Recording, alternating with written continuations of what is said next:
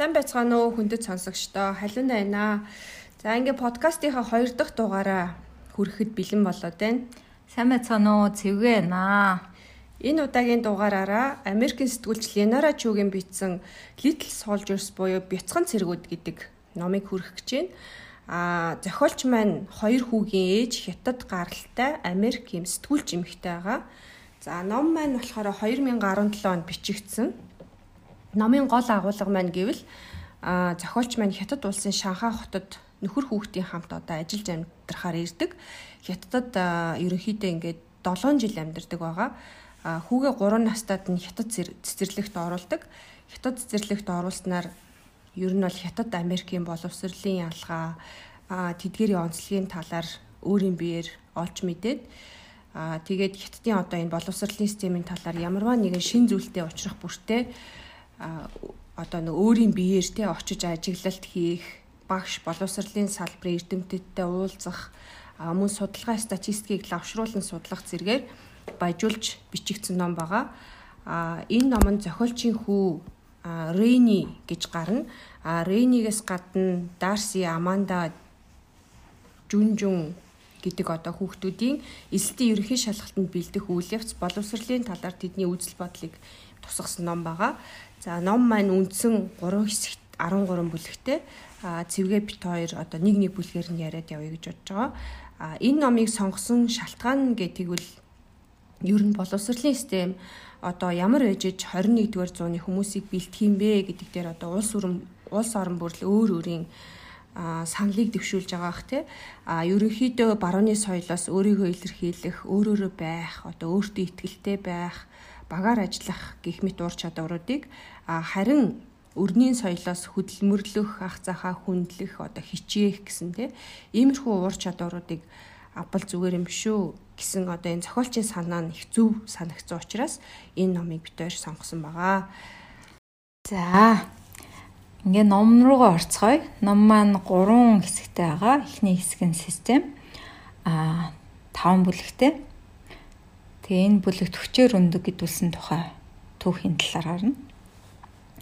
Зохиолчийн маань нөхөр Хятадын Шанхай хотод Америкийн олон нийтийн радиог хөтлөх ажил томилогдоод гэр бүлээрээ 2010 онд Хятадын Шанхай хотод ажиллаж амьдрахаар нүүж ирдэг байгаа. Шанхайд олон улсын цэцэрлэг байдаг. Тэр нь гэхдээ жилийн 40 мянган долларын үнэтэй. 2 3 хил эзэмсэн байдал нь албан тушаал ахихт нь нөхөрт нь ихээхэн тус болсон болохоор тэд хятад цэцэрлэгийн өдөөс тутмын үйл ажиллагааг мэдэхгүй мөртлөө хүүгээ хоёр хилтэй болгоё.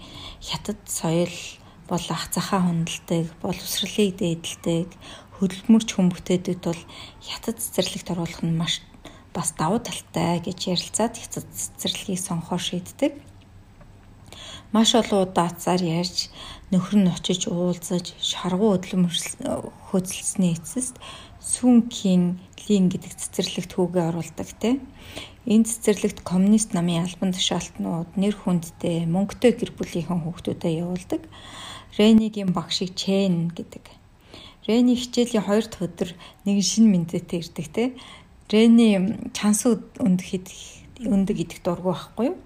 Гэтэл Чэн багш нь түүний ам дөрөв удаа өндөг идүүлэх гээд амд нь өндөг хийчээд гараараа тагалцсан байгаа тий. Эхний 3 удаад нь гаргаж хайсан боловч дөрөвдөгтөр нь аргагүй ихэнд залгсан байгаа. Энэ талаар сонсоод Элеонора найз хүүхэндээ ярьсан чинь Америкчууд бид бидэнд энэ хатуудыг журамтай хятад арга бол их хэцүү заримдаа бухимдмаар байдаг гэж сэтгэлээ хаалцсан. Тэгээд зохиолч маань Чэм багштай очиод уулзаад Америкчууд бид өндөг идэх давуу талын талаар тайлбарлаж өгд юм аа. Жишээлбэл ясны хөгжилт сайн, нүдний хараан сайн гэд хүүхдүүдэд тайлбарлаж өгдөг. Харин тэд гэхдээ зарим тохиолдолд идэггүй. Гэхдээ бид нар хүчээр идүүлдэггүй гэж учирлсан. Тэгсэн чинь багш нь өндөг бол шим тижэлтэй хүнс тижэл юм аа. Хүүхэд заавал идэх ёстой гэж хэлчихэд өгдөг те. Зуныхаа амралтаар тэд гэр бүлэрээ Америк руугаа амрахаар буцдаг. Хүүхэд нь сэтгэлдний багшаасаа холдоод том бассейн цэлээд мөхөөлдөс идээд маш таваараа сайхан байдаг тийм. Амралтын үеэр ээжээ бид нар яагаад Америкт амьдарч болдгүй юм бэ гэд Америкт амьдрах илүү дуртай байдалтай хэлсэн тийм. Гэтэл Эленора энэ амралтын хугацаанд хүүхдээ Америк хүүхдүүд илүү их дэг журамтай ахамдаа хүнэлдэг болж хүмүүжиж байгааг харах боломж олддог. Жишээ нь Америк хүүхдүүдийн идэж байгаа зүйлийг ажиллахад цагаан урал, будаа, паста, хотдог, мөхөлдөс гэх мэт өөрийнхөө зөвхөн дуртай зүйлийг идэж өссөн зүйлээ л иддэг. Гэтэл өөрийнх нь хүүн Джеймс ногоо, далайн баазаа, заагас тэр бүхэл өөрийнхөө идэж чаддаггүй байсан чансан өндгөө хүртэл иддэг болсон. Хүүхдээ ажиглаад хүүхэд хэдий дургуйч гэсэн өөрт нь эрэхтэй зүйлийг тодорхой хэмжээгээр хийж сурах хэрэгтэй юм байна гэж боддог болсон тийм. Зохиолч маань хятад боловсролын систем тухайн зүйлийг хэрэгтэй гэж бодсон л бол хүүхэд дуртай байна уу, дургүй байна уу гэдгийг хайхардаггүй хүчээр хилэгдэг гэдгийг ойлгодог. За бүлэг 2 нь болохоор хятад хүмүүс хүүхдийнхаа боловсролд ямар их цаг мөнгө зарцуулдаг талаар дурдсан бүлэг байгаа. За нөхөр нь болохоор Америкийн Миннесота хотод төрж өссөн Швед, Норвег, Герман гаралтай хүн. А нөхрийнх нь аав ээж нь хүүхдийнхаа тий сургуулийн цаг болон сургуулийн эрдсэн дээр л одоо хатуу ханддаг болохоос биш бусдаар бол роо бахтагаа гэрийнхэн гадаах оймод голд эрх чөлөөтэй тоглож юм маш гоё дурсамжтай байгаа насыг өнгөрөөсөн. А хүүхэд насаа одоо хичнээн ингэж тоглож өнгөрөөсөн ч гэсэн сэтгүүлч мэрэгчлэр мастрын зэрэг хамгаалаад мэрэгчлээ одоо дуртай нэгэн болж өсч хүмүүцсэн байгаа. За тэгээ 20 хэдэн настайдаа Peace Corps гээд сайн дурын байгууллагт ороод Испани, Австрал, Хятад улсад амьдарч исэн. А Хятад хэл түүх соёлыг шимтэн судалсан мундаг Хятад хэлтэй залуу юм байна. А харин Ленора маань Хятад аав ээжтэй аав ээж нь залуудаа Америкт ирээд Ivy League-ийн их сургуульд хоёулаа докторийн зэрэг хамгаалаад одоо Америкт суурьшиж үлдсэн тийм хоёр охинтой болсон гэр бүл юм байна. За аав ээж нь охтуудтай хүний нутагт сайн мэдлэг боловсралтай бол одоо болохгүй бол болохгүй тий. Чи одоо заавал шилтгэн байх ёстой, сайн дүн авах ёстой гэж өсгсөн. А ээж аав нь мөн одоо их сургуульд ортлоо эрэгтэй хөвгтэй болцож болохгүй, бүжиг спортыг тий цагийн гарц гэж үздэг байсан. За Ленора маань өөрөө юм хатуу хяналттай гэр бүлд өссөн болохоор хүүхдээ хичээлээ хийгээд шахахгүй эсрэгээрээ одоо шинийг ирэл хийлдэг өөрийнхөө замыг өөрөө хайж олох чадвартай юм хүүхд болгож хүмүүжүүлнэ гэж боддог байсан. Гэтэл хүүгээ одоо шалтын эсрэг одоо юм хятад цэцэрлэг сонгож оруулсныхаа дараа одоо хятад хүмүүс хүүхдтэй ямар их одоо академик хүүхдтэй те ямар их академик мэдлэгээр бөмбөгддөг талаар юм соёлын шоконд ордог байгаа.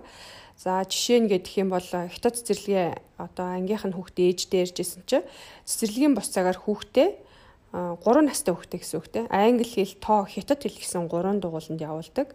За өөр нэг ээж бол бүр хүүхдээ 8 дугууланд явуулдаг. Энэ нь сарда 1000 доллар болдог гэж ярьсан. Хятад хүмүүс ер нь бол хүүхдийнхээ цэцэрлэгт ахлах сургуулийг бодох юм бол 3 дахин их мөнгө зарцуулдаг юм байна. А яагаад тэгэхээр хүүхдийнхээ эхлийг зөв тавьчих юм бол цаашид одоо өөрөө ингээ аянда болоо явчихна гэж боддог.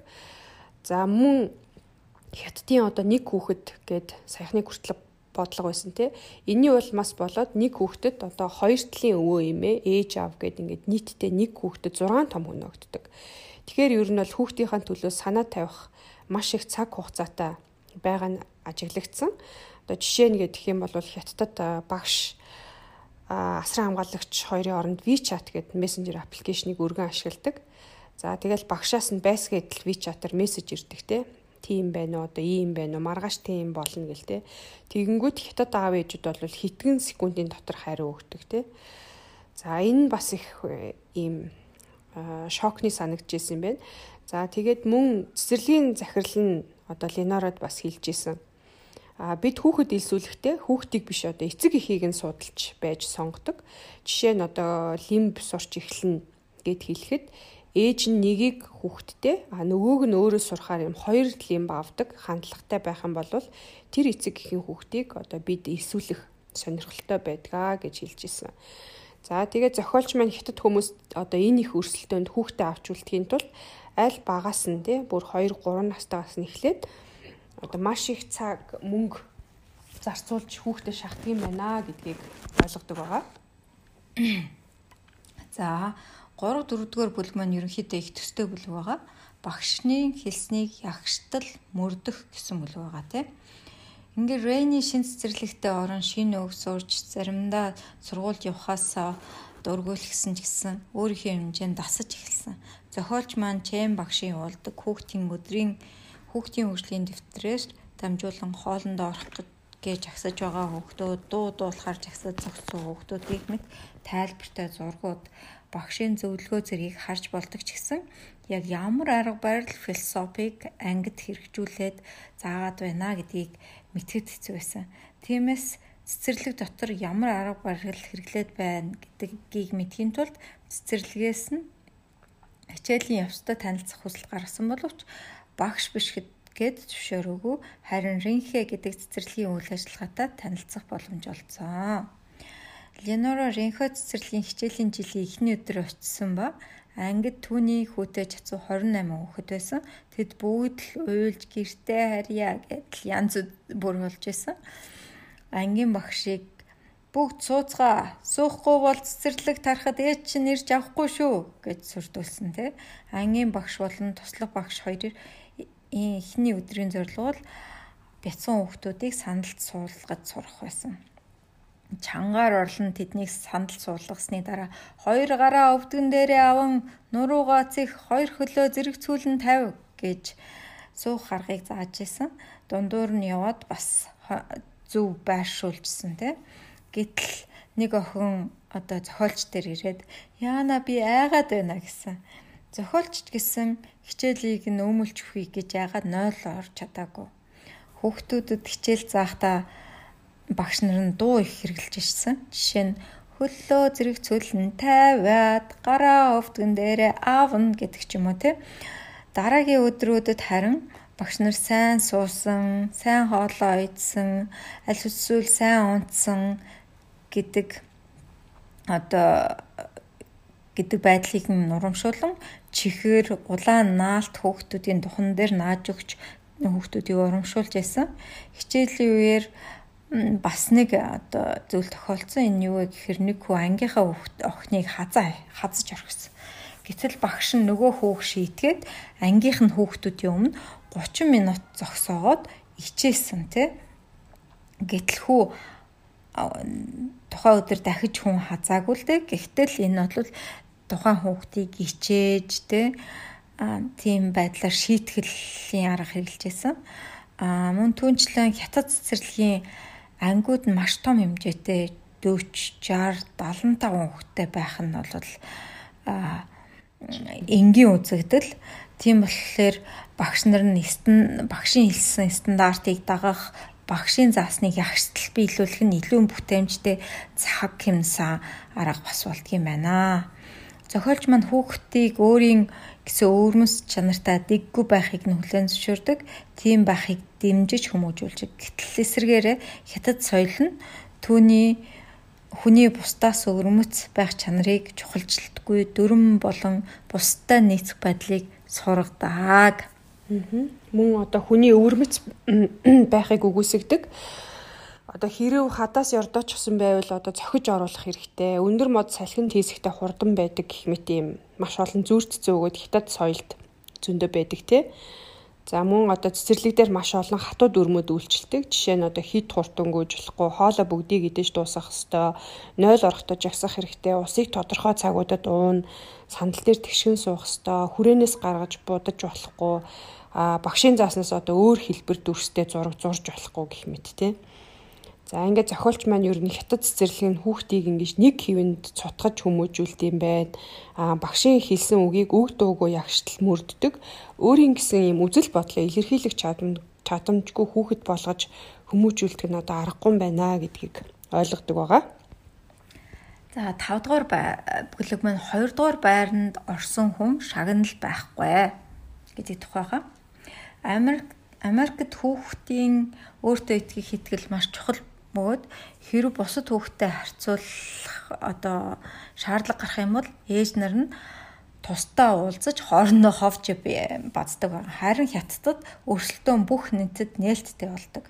Жишээлбэл одоо Рени хүүгийн цэцэрлэгийн ангиудын хаалганы гадна тал том самбар өлгөөтэй байдаг.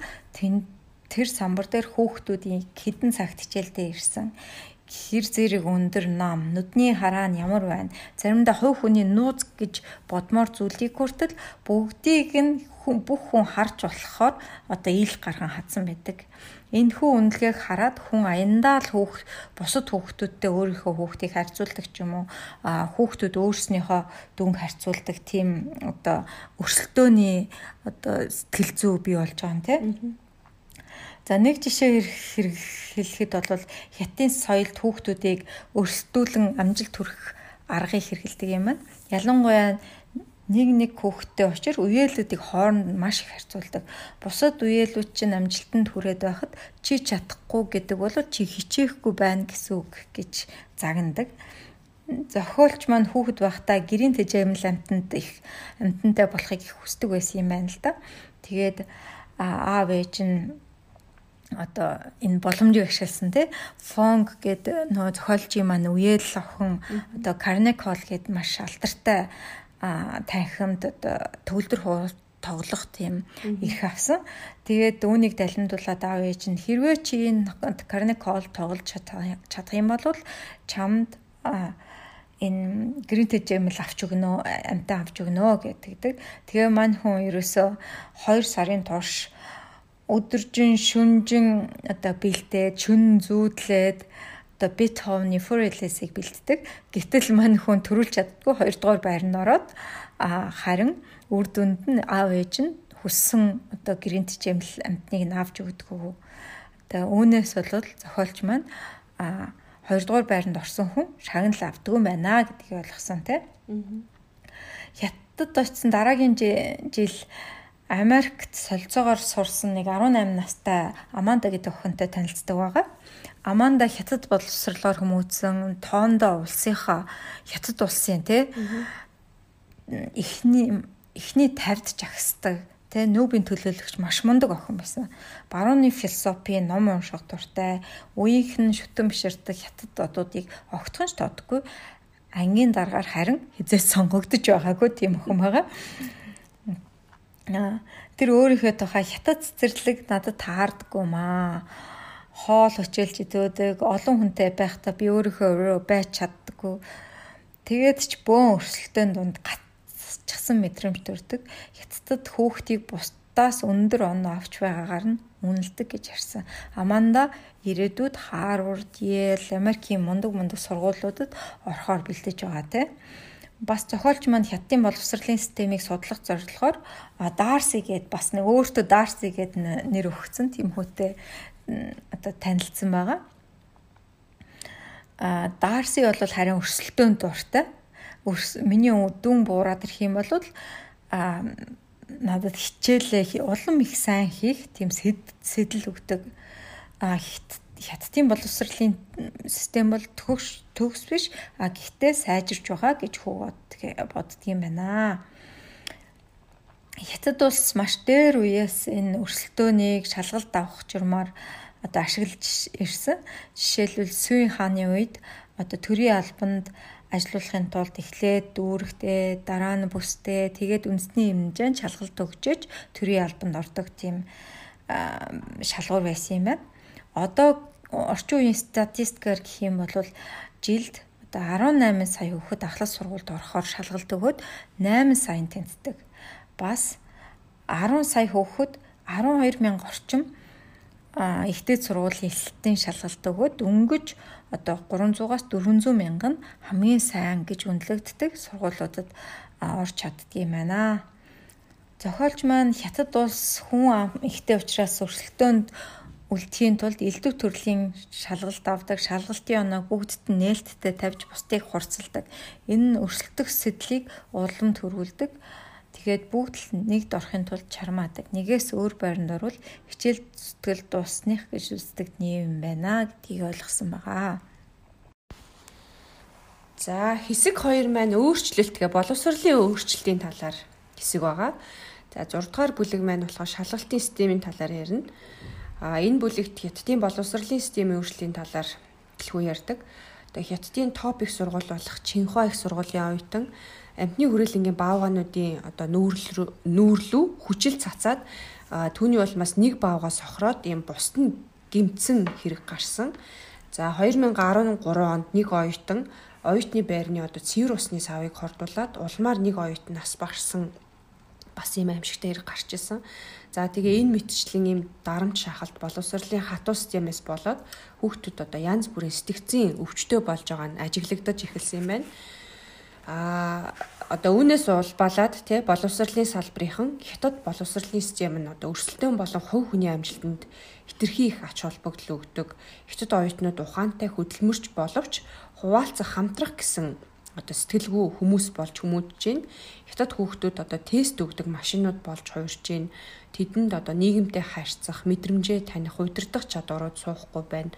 Одоо зөвхөн одоо шалгалтын оноо те тухайн хүүхдийн үн цэнийг тодорхойлж байна энэ сурагчдын санаачлах болон одоо бүтээлч байдлыг өгөө хийж гинэ гэж шүүмжлээд одоо энэ салбарынхан манд дуугарч эхэлсэн.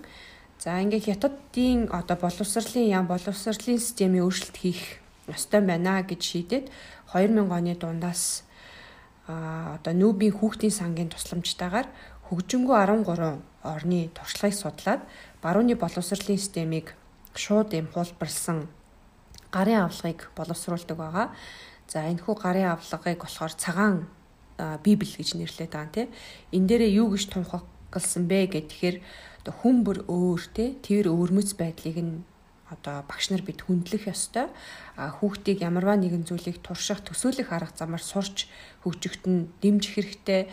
Хүүхдэд мэдлэгийг зааж цээжлүүлэх биш.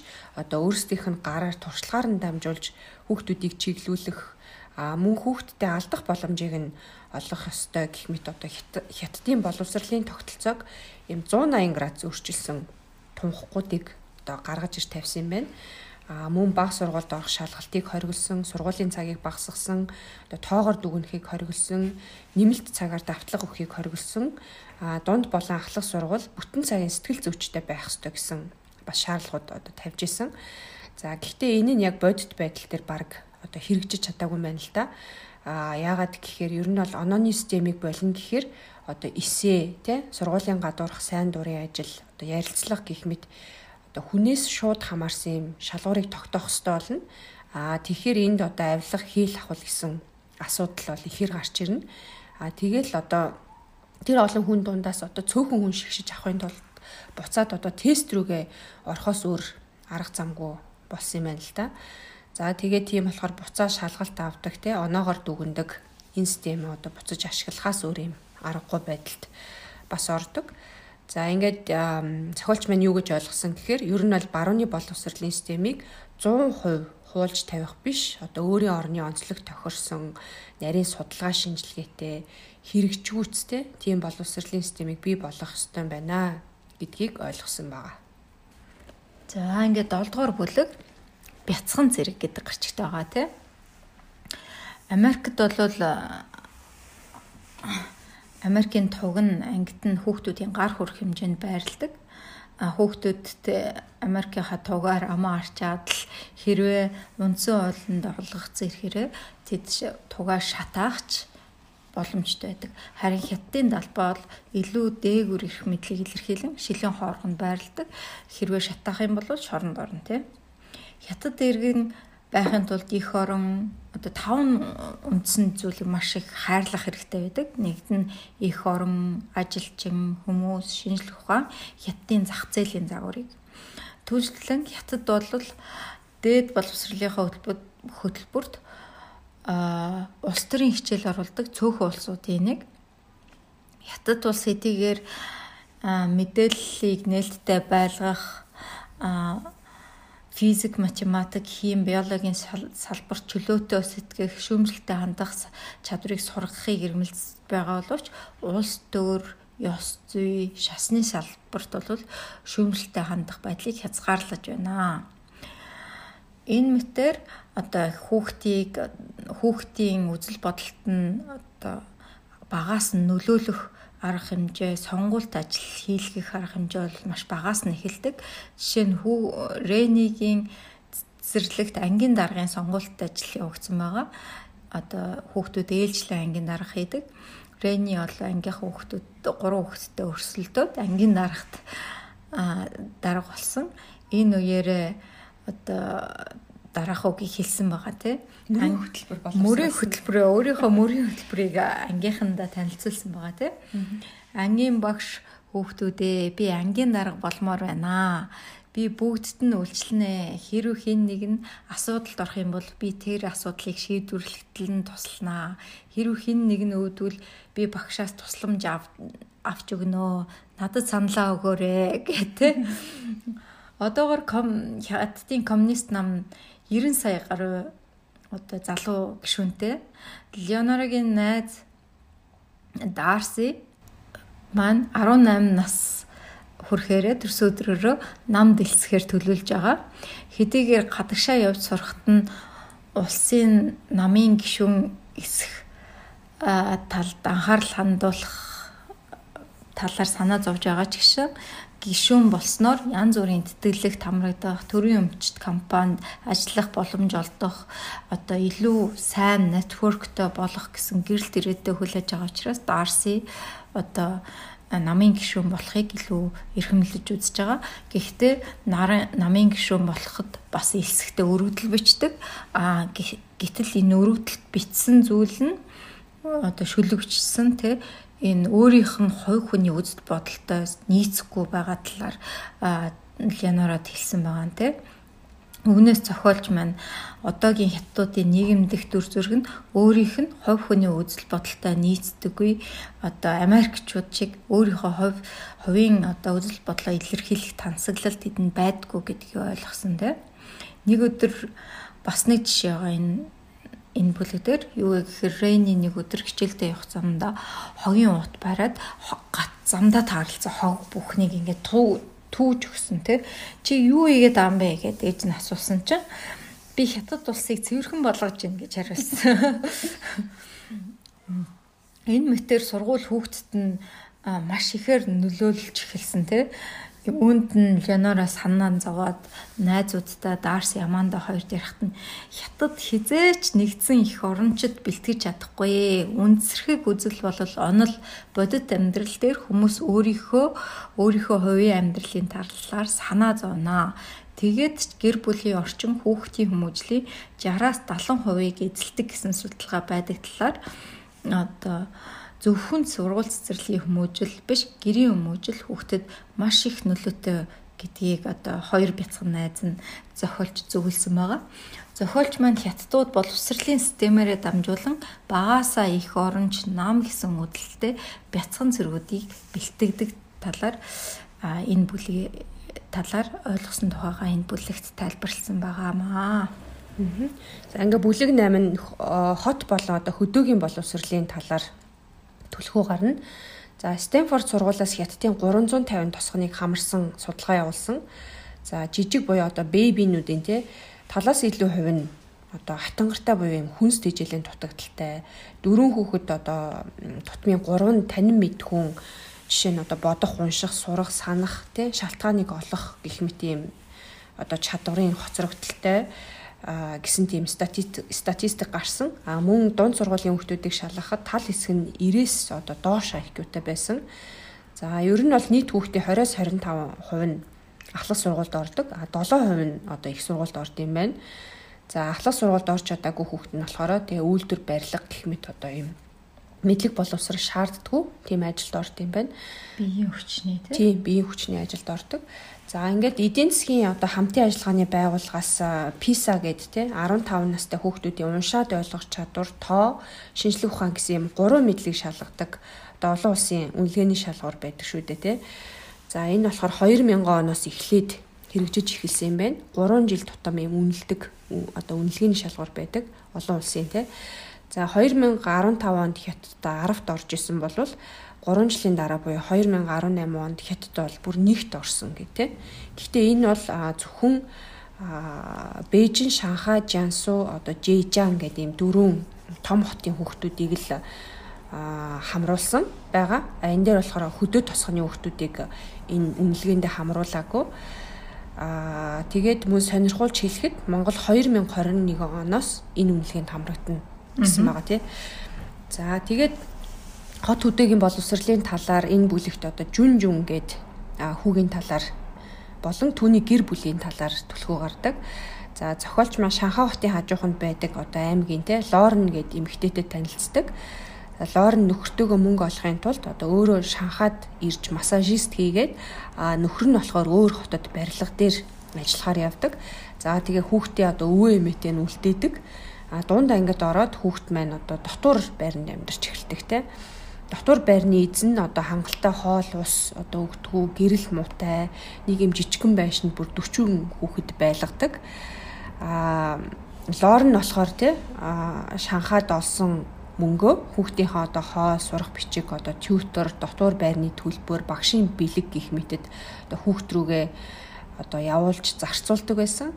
А гэвч хүүхд нь одоо ийм амьдарч байсан байрны хэцүү нөхцөл одоо мөн эцэг эхийн хайр халамж те дутагдсанаас болоод ер нь бол ийм хичээл хийх сонирхолгүй а видео тоглоомны донтон болж одоо хүмүүжсэн байгаа.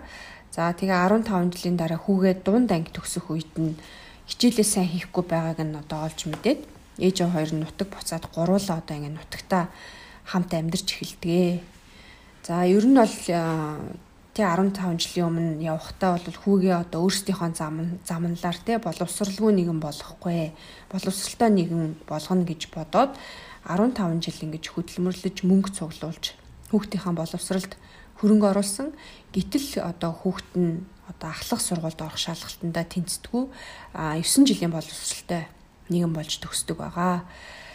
За тэгээ зохиолч маань ер нь Бээжин Шанхай мэтийн те том том хотуудад нэг хүүхдэд 6 том хүн ноогдож одоо хүүхдийнхээ боловсралд өдөр шөнөгүй анхаарал хандуулдаг байхад сэргээрээ хөдөө тосгонд бол хүмүүсийн амьдрал эрс зэвс байдаг юм байна.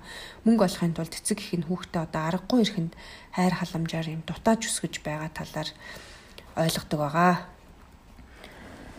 За 9 дугаар бүлэг маань бэлэг өгөх хятадын соёлын талаар буюу авилга хэл хахуул хэрхэн цэцэглэсэн талаар одоо гарч байгаа. Нэг өдөр ангийн багш нь Рейнигийн анхаарлын төвлөрөлтийг засах хэрэгтэй байна гэд зохиолчд хэлсэн. Зохиолч маань цаад утгыг нь ойлгоогүй. Та намайг түүнтэй илүү ажиллахыг хүсэж байна уу гэд дахин асуухад нь мань хүн гар хараад байгаа юм байна гэдгийг арайч ойлгосон байгаа. Бэлэг өгөх нь хятад улсын соёл гэж болохоор болсон. Энэ мэтэр авилга өгсөн одоо эцэг эхийн хүүхдийг бэлэг авсан багш нь ангийнхаа хамгийн урд талын ширээнд суулгаж онцгой анхаарал тавьж шалгалт илүү авдаг ч юм уу ангийн дараа болгох аль эсвэл бүр том ангид ороод ирэхээс гадаад солилцооны хөтөлбөрт хамруулах гэх юм уу давуу талуудыг олгодог байгаа. Харин одоо бэлэг буюу авилга хэл хол хөгөөцөг эхчүүдийн хүүхдүүдэд энэ давуу талууд олддгүй. Аманда өөрийнхөө тухайд нэг э, тохиолдсон явдлаа ярьсан. Аманда нэг Амандагийн нэг багш байсан. А түүнд авилга буюу мөнгө өгөөгүйгээс байнга л ангийнхных нь өмнө муугаар хэлж ангийн дарахаар сонгогдох болоод сонгогдчиход байхад чинь дахин сонгуул явуулаад Амандаг ангийн дарга болгохдоггүй байгаа тийм. Түүний тооцоогоор Амандагийн ангийн хүүхдүүд жилд дунджаар 100-аас 200 доллар багштаа өгдөг байсан тооцоо байгаа. Энэ төрлийн бэлэг өгөх явдал бол хаасааг байгаа тийм шалгалтын хуваар зарим мужид олон зарим мужид нь цөөн байдаг.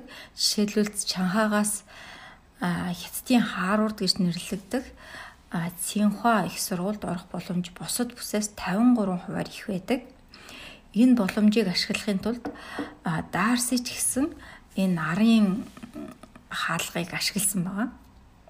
Түүний аав ээж хоёр нь албан ёсоор гэрэлтэй батлуулаагүй харин хүүгээ одоо тэр цэнхоос сургуульд орох ч юм уу тэр боломжийг олгохын тулд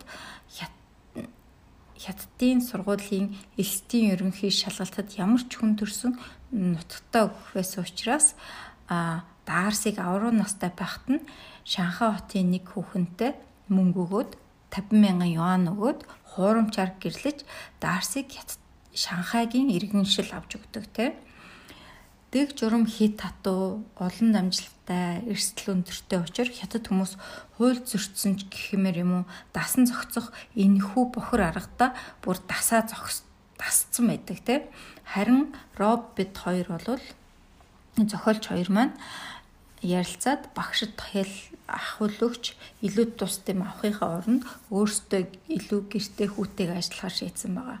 Зохиолч маань мөнгөтэй, эрх мэдэлтэй, авилга хэл ахуулын замаар шудраг бус давуу талуудыг эдэлж болдог нийгмийн талаар энэ бүлэгт ойлгосноо одоо бичсэн байгаа. За 10 дугаар бүлэг нь хятад хүүхдүүд одоо багшийн хэлснийг зарлиг мэд хүлээж авдаг болохоор одоо ямарваа нэг зүйлийг өөр өнцгөөс одоо харахад одоо сургагдаагүй байдгаа гэсэн юм утгатай бүлэг байгаа.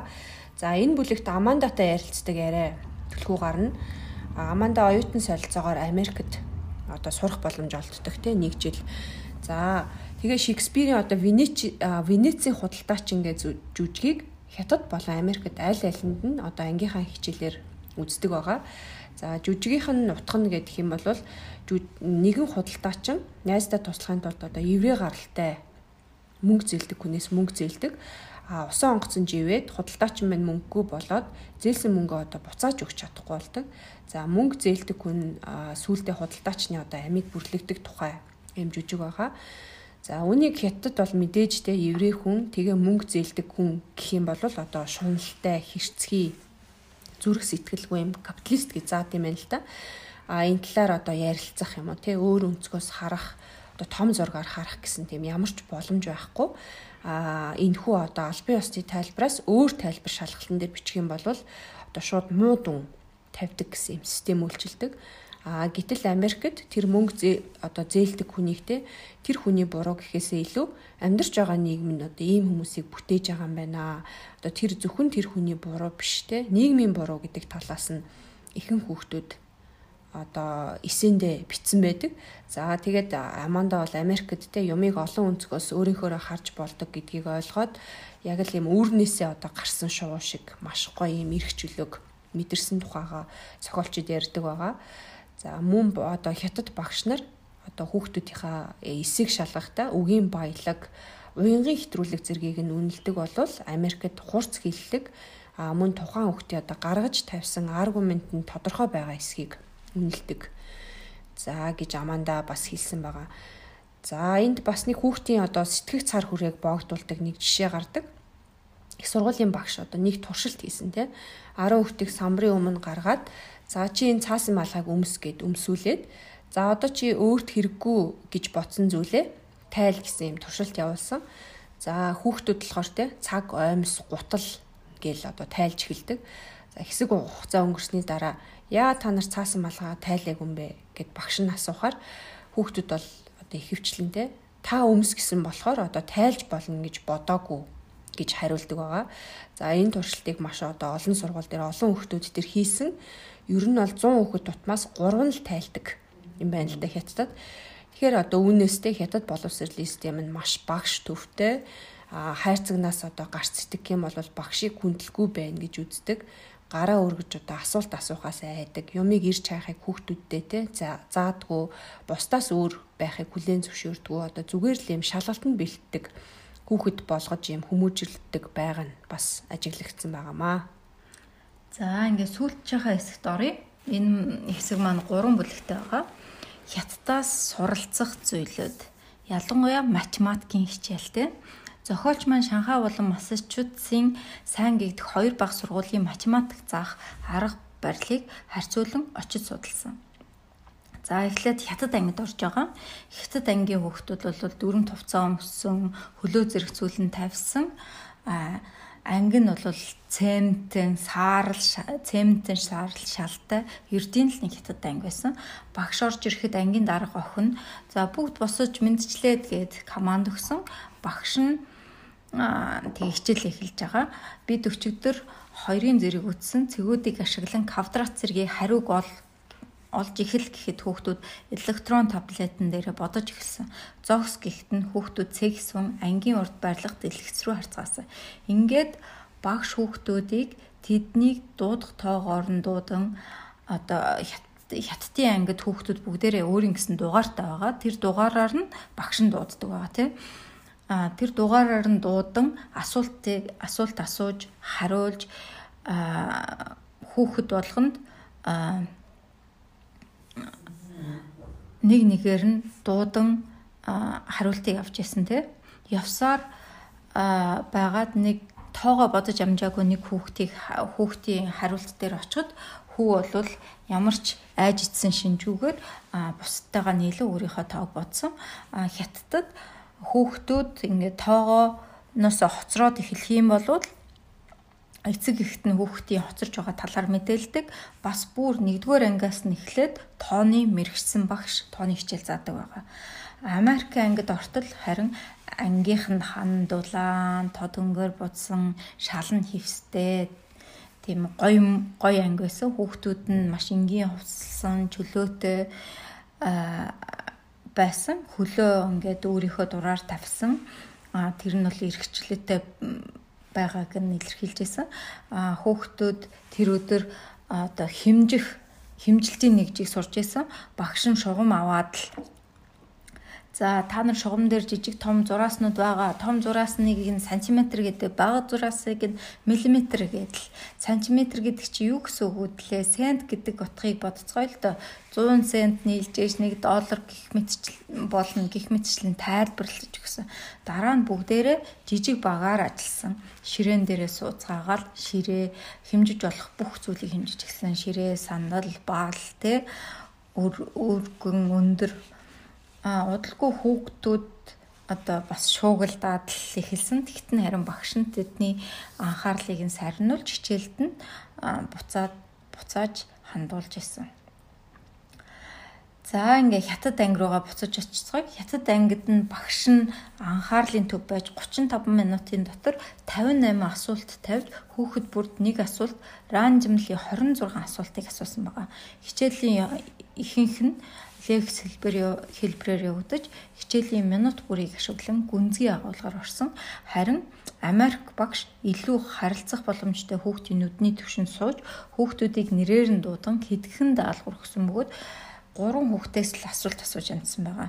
Хичээлийн дундуур лекц жижиг багаар ажиллах ганцаарчлсан гэсэн гурван хэлбэрээр хичээлээ явуулсан. Тэрээр багаар ажиллах нь хүүхдүүдийн хэн нь юу чадж байгаа, юу чадахгүй байгааг мэдхэд илүү амар байдгаа гэж тайлбарлсан.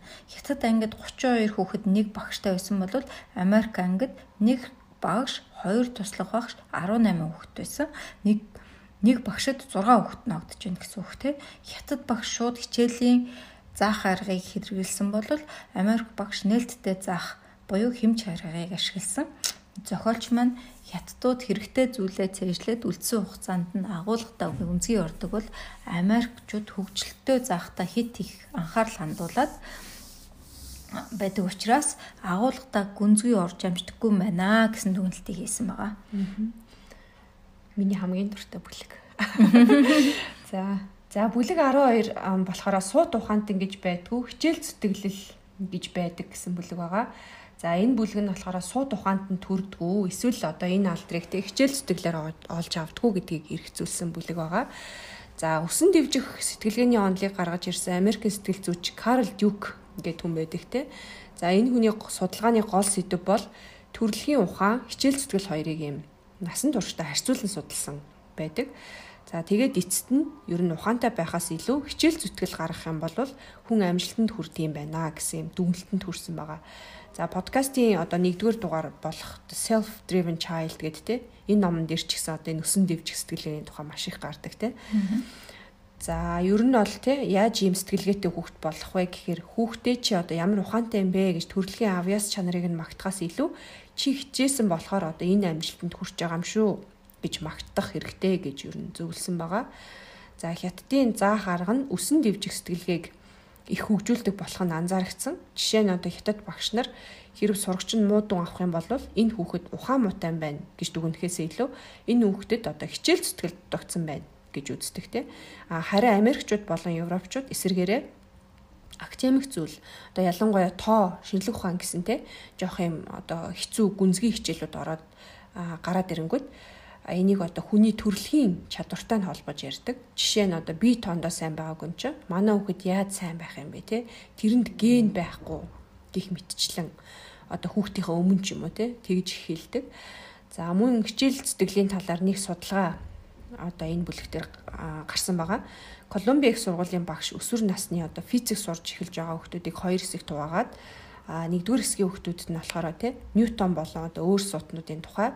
Ялангуяа тэдний өдөр тутмын шаргуу хөдөлмөр нь одоо таталцлын хууль тий зэрэг юм алдартай онолуудыг нээхэд туссан талаар байнга ярьж өгдөг.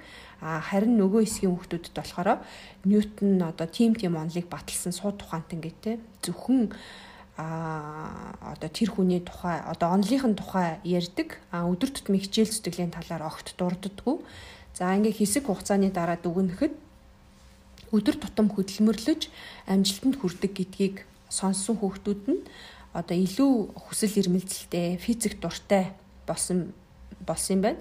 А харин нөгөө хүүхдүүд нь болохоор ямар ч тийм физикийн талаар хүсэл эрмэлзэлгүй а болсон байгаа нь ажиглагдсан. За тэгээ эндээс ер нь хүүхдтэй хэрвээ чи өдөр тутам хөдөлмөрлөх юм бол хизээ нэгэн цагт амжилтанд хүрэх болно гэдгийг ойлгуулж өсгөх нь одоо маш чухал гэдгийг харуулж байгаа. За энэ бүлэгт хичээлээс гадна бас одоо хид хідэн одоо боловсролын аргуудыг харьцуулсан жишээ нь юм цээжлэх талаар гарч байгаа. А баруун юм цээжлүүлэх нь бол ер нь буруу те хүүхдийн сэтгэх чадваргүй одоо зүгээр юм юм цээжилдэг робот болгож гин гэж үздэг. А харин хятад Монгол ч гэсэн те маш их юм цээжлүүлдэг. Би би би лав санджахт бид нар нөгөө багта хүрдийг бүр ингээд бүр одоо тангад юу шиг те ном шиг ном шиг тэг цээжил цээжилж исэн санагдаад байгаа. А мөн бас 2-оос 3 хуудас шүлэг ингээл зүгээр цээжлэл самрын өмнө гараад уншдаг байсан те. Заавал цээжлэх ёстой 10 шүлэг те. Жагсаал даргал өгдөг шээ. Энэ цээжлэлч чинь бас буруу биш юм байна л шинжлэх ухааны үднээсээ. А яагаад тэгэхээр ер нь одоо урт хугацааны ой санамж мөн одоо яг одоо идэвхтэй ажиллаж байгаа гэсэн юм хоёр төрлийн ой санамж байдаг те а олон удаа давтад цээжилж урт хугацааны ой санамжид тухайн зүйлийг аваачдаг аваачдаг өөр арга байхгүй тий а урт хугацааны ой санамжинд аваачсны дараа идэвхтэй санах ой буюу одоо тэр төр зургийн ой санамж нь гүнзгий бодож бүтээлч болж эхэлдэг гэсэн юм судалгаа байгаа. Тэгэхээр ер нь бол зарим тохиолдолд юм цээжлэх нь бас сайн талдаа гэдгийг одоо батлан харуулж байгаа. За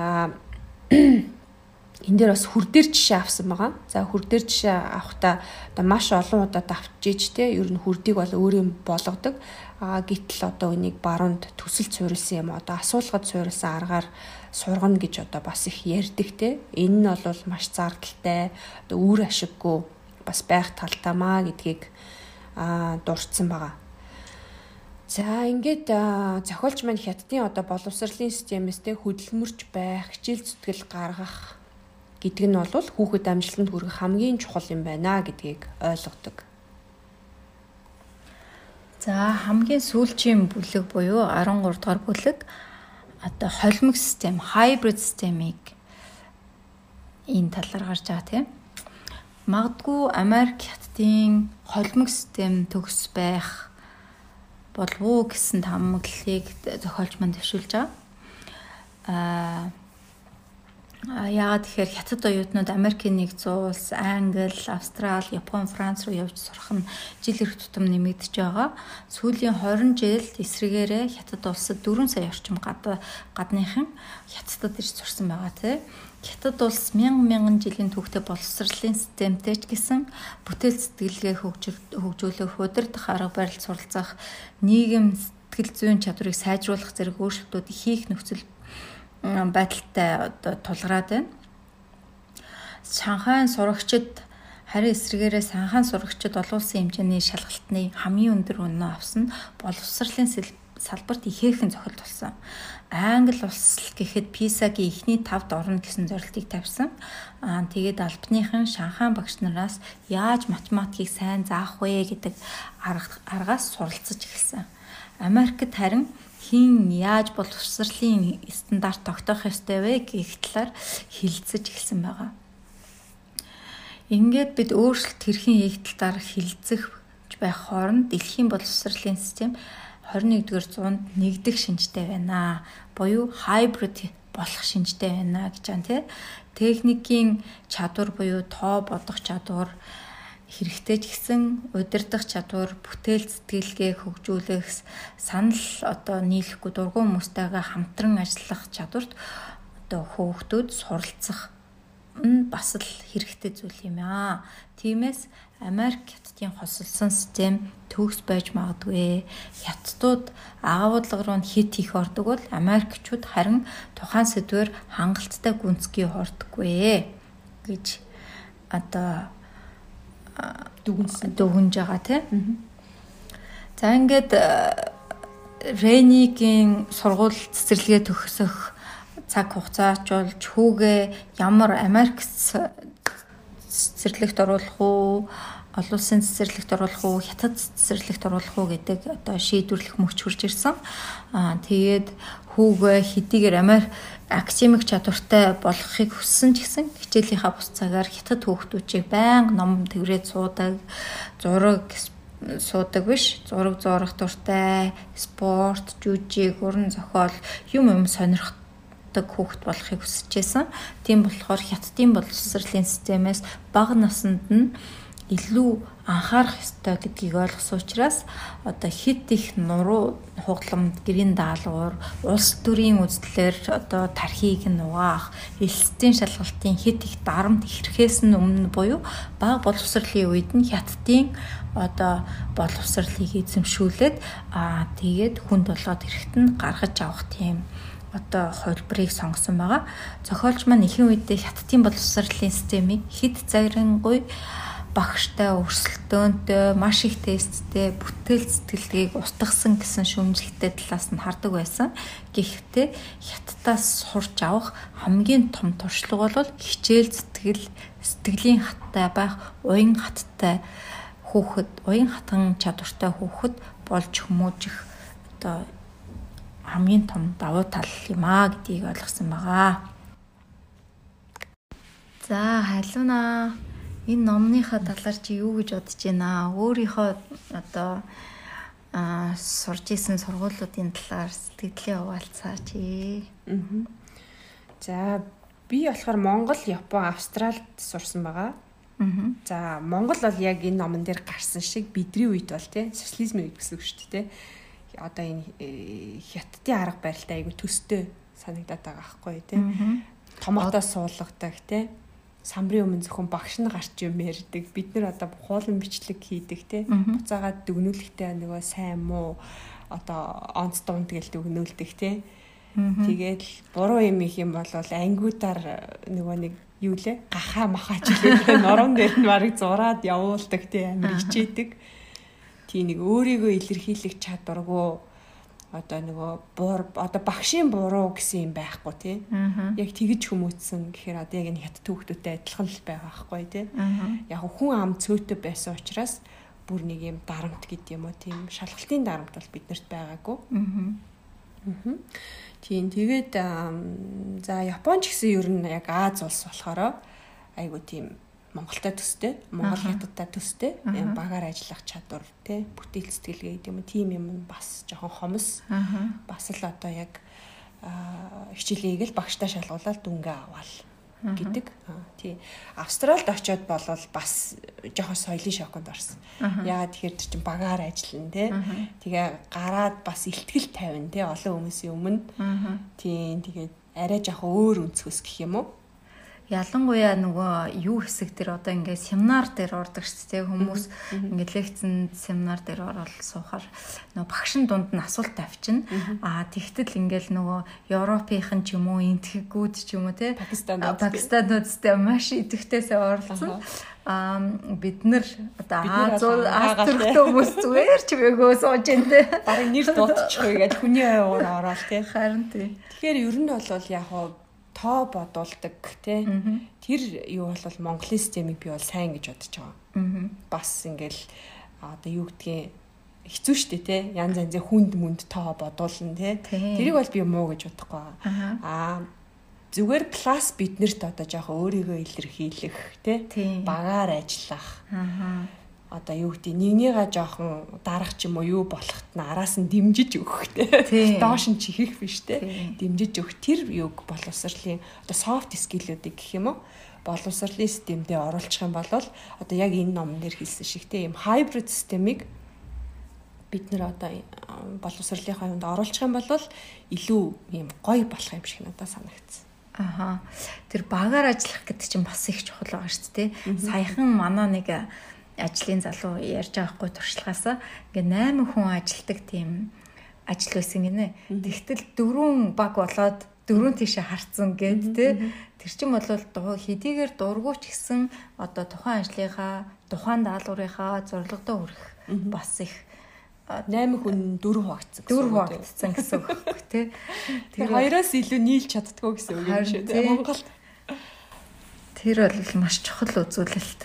Одоо яа ямар нэгэн зүйлийг зүйлд хүрэхийн тулд тий. Тэгээ бас нэг ийм анзаарэгдаад байгаа. Одоо Монголд одоо American School, British International гэж байдаг шүү дээ. Тэд нар болохоор одоо юм жоохон барууны үзэлтэй тий. Айгу хөгжилтэй аргаар заадаг мадаг ч гэдэм. За нөгөө Монгол одоо сургуулиуд байна тий. Сант, хобби, орчлон одоо өөр юу гэдгийг тий нэгдүгээр сургууль 11 гэл хитрхи их ингээд нөгөө юм академик юмар нүддэг. Тэгэхээр бас яг тэнд чинь одоо нэг уур чадвар хүний нэг одоо хүн байх уур чадвар гэх юм уу. Тиймэрхүү юм бас жоох хаягчаад байгаа юм болов жоохон тэр тал руугаа бас хүмүүжүүлэх хэрэгтэй болоо гэж бас бодогдсон. Гэтэ яг ойрд бас яригдал байгаа л да. Тэ овоо EQ, MQ сэтгэл зүйч мүч гэл тэ. Тий. Бас одоо гэрийн даалгаврын асуудал байна те. Гэрийн даалгаврыг ингэж миний ажиглалтаар бол маш их хүүхдүүд маш их гэрийн даалгавартай учраас бид нар байгаа хахад те тэгэл хичээлд орчаал те найзуудтайгаа нэлээл орцондоо ч юм уу гадаа талбайд ч юм уу тоглож л байдаг байсан. Одоо амьдралынхаа одоо янз бүрийн хоол хийх ч юм уу гэрээ цэвэрлэх ч юм уу тэр чадруудыг суралцах боломжгүйгээр их даалгавар өгч байгаа тий хятад барыг боловсрлоо хитрхи яагаад байгаа юм шүү тий. Хятадтай төстэй тий Тэгээ айгуул хитэн жилийн дараа нөгөө янз бүрийн сэтгцийн өвчтөй тийм хүүхд гарч ирэхийг үгүйсэхгүй шүү дээ тий. Тэгэхээр ийм балансын л ер нь олох хэрэгтэй. Тий. За ингээ подкастын маань 2 дахь дугаар а дуусч байна. Энэ хүртэл сонссон сонсогч танд маш их баярлалаа. Баяртай. Баяртай.